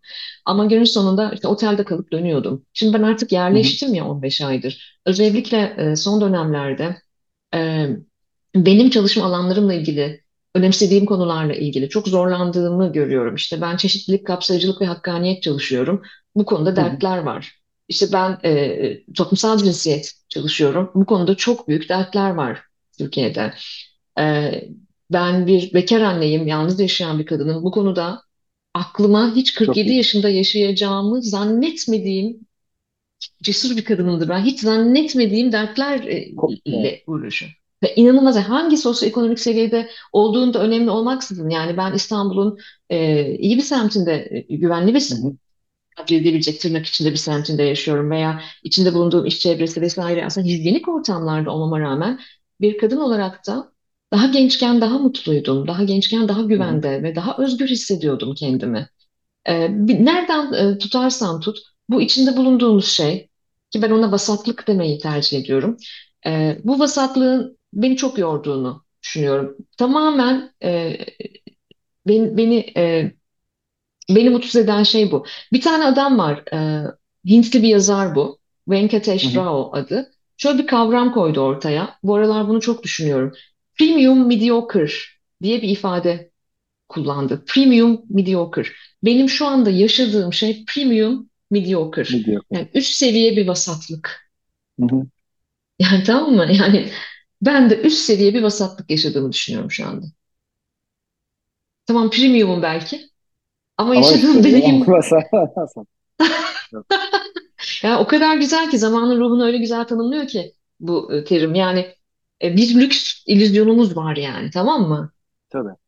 Hamdolsun çok şükür e, işte sağlığımız o problem olduğunda özel hastaneye gidiyoruz bilmem ne falan filan. İşte evimiz, arabamız görece e, iyi toplumun geneline göre falan filan der diyoruz ama ama bir de bağlam var abicim yani. O yüzden ben böyle biraz e, e, daha az insan sevmeye, daha hızlı hayal kırıklığına uğramaya e, başladım. Bu sebeple biraz uzun cevap verdim ama mutlu değilim. Peki, ümitsiz miyim? Asla değilim. Mutlu değilim ama çok ümit varım. Hep de böyle gidemez ya diye düşünüyorum. Yok ya ben de şey e, ben biraz şeye verdim evrimken. Ben dediğim gibi biraz çıl, yani şu hayattaki şanslı insanlardanım diyeyim. E, sevdiğim işi yapıyorum. Yani e, para Evet, evet, çok şükür. yapacağım yapacağım şey yapıyorum dedim yani böyle bir yaratıcılıkla ilgili bir şeyi para vermeseler de ben yaparım hani Ee, ama e, ben de kendimi son dönemde yani benim şöyle bir şey oldu sadece iki tane çocuğum olması hayatımda başka bir kapı açtı ve o beni başka bir yerden çok çok büyük bir mutluluk kaynağı açtı. Yani hayatımda bu kadar mutlu olmadım öyle söyleyeyim ve hep de şey diye açıklıyorum yani bebek sahibi olmak e, hayatımın en rezil ve hayatımın en mutlu dönemindeyim. Yani böyle, böyle bir rezillik yok. Böyle bir rezalet yaşamak yok yani. Uykusuzluklar vesaireler böyle eş yani e, karınla sevgilinle e, ilişkini başka bir boyuta geçiriyorsun. O çok sancılı bir şey E, ama mutluluğu da dediğim gibi anlatılamaz bir şey. Gerçekten anlatılamaz. Yani çok klişe konuşuyor olabilirim kusura bakmayın ama gerçekten öyle. Ama ben de hani bu dönem böyle bir şey döneme denk geldim ben de hani senin gibi bunun içerisinde ben biraz şeye verdim kendime evrim hani e, işe verdim. Yani ben işle sarhoş olmayı seviyorum. E, çünkü o işte sarhoş olmak bazı şeyleri e, görmememi sağlıyor. Bazı şey çünkü hep yani o kadar e, durup bakıp algılarsak delireceğiz belli noktada. O da e, hiç sağlıklı değil dediğim gibi yani sonuçta biricik hayatımız var ve e, yıllarca o yüzden dedim ya bir mu- mutluluğu yak- ya bir mutluluğun peşinde koşuyorsun, bir anlam arayışı peşinde koşuyorsun. Ne bileyim güzel yaşama çalışıyorsun. E, se- bir kendine iyi bir hayat kurmaya çalışıyorsun. En basit, en sade vatandaş tabiriyle. Ama e, ben dediğim gibi son dönemde ben de şeye verdim kendimi. Tamamen işle sarhoş ediyorum e, kendimi. O işle sarhoş etme tabirini umarım anlaşılabiliyordur. Yani o kadar çok çalışıyorum, o kadar çok şey yapıyorum ki e, başka şey düşünmeye zamanım kalmıyor. Başka şeye üzülmeye, kafa yormaya zamanım kalmıyor. Çünkü şey, buna ihtiyacım olduğunu düşünüyorum ve ben de ben de senin gibi ümitliyim. Ben ümitsiz değilim. Ben e, bize şeyi çok e, e, e, evrim kafayı takmıyorum. Bize yakın tarih çok iyi anlatılmamış. Yani ben e, hı. hep onu düşünüyorum. Yani yakın tarihine baktığında bu ülkenin de bu dünyanın da hep looplamış. Her şey looplamış yani. Böyle hiçbir zaman düz, düz çizgide yer, ilerlememiş ki. Her şey dibe vurmuş, her şey çıkmış. Her şey dibe vurmuş, her şey çıkmış işte. Savaş yaşanmış, İkinci Dünya Savaşı. Arkasından manyak bir kuşak doğmuş. Tasarımı değiştirmiş, anlayışı değiştirmiş vesaireyi değiştirmiş. İşte 68 kuşağı vesaire. Ondan sonra bir şeyler yaşanmış. Sonra bambaşka bir kuşak çıkmış. Çok güzel şarkılar yazılmış. Çok güzel filmler çekilmiş. Çok güzel e, şeyler yapılmış dünyada. Yani o dalganın bir yerindeyiz biz yani. O bir yerde ben e, çünkü şey de değil yani eşyanın tabiatı, dünyanın tabiatı zaten böyle yani. Dibe vuracağız, tekrar çıkacağız. Dibe vuracağız, tekrar çıkacağız. Kendi hayatlarımız da öyle. Hani kişisel hayatlarımız da böyle, dünya da böyle, bu ülke de böyle. O yüzden de ben genç arkadaşlarıma da hep bunu anlatıyorum ajansta toplayıp toplayıp. Ne olur ümitsiz dedi şu an. Sosyal medya çok görünür yaptı. Hani e, şeyi de görünür yaptı. Hmm, kötüyü çok görünür yaptı ya. İyiyi de çok görünür yapması da kötü. Yani ben burada böyle yaşıyorum. Orada benim yaşıtım araba alıyor. Ben burada böyle yaşıyorum. Orada benim hı. yaşıtım tatil yapıyor da kötü mutsuz hissettiriyor bizi.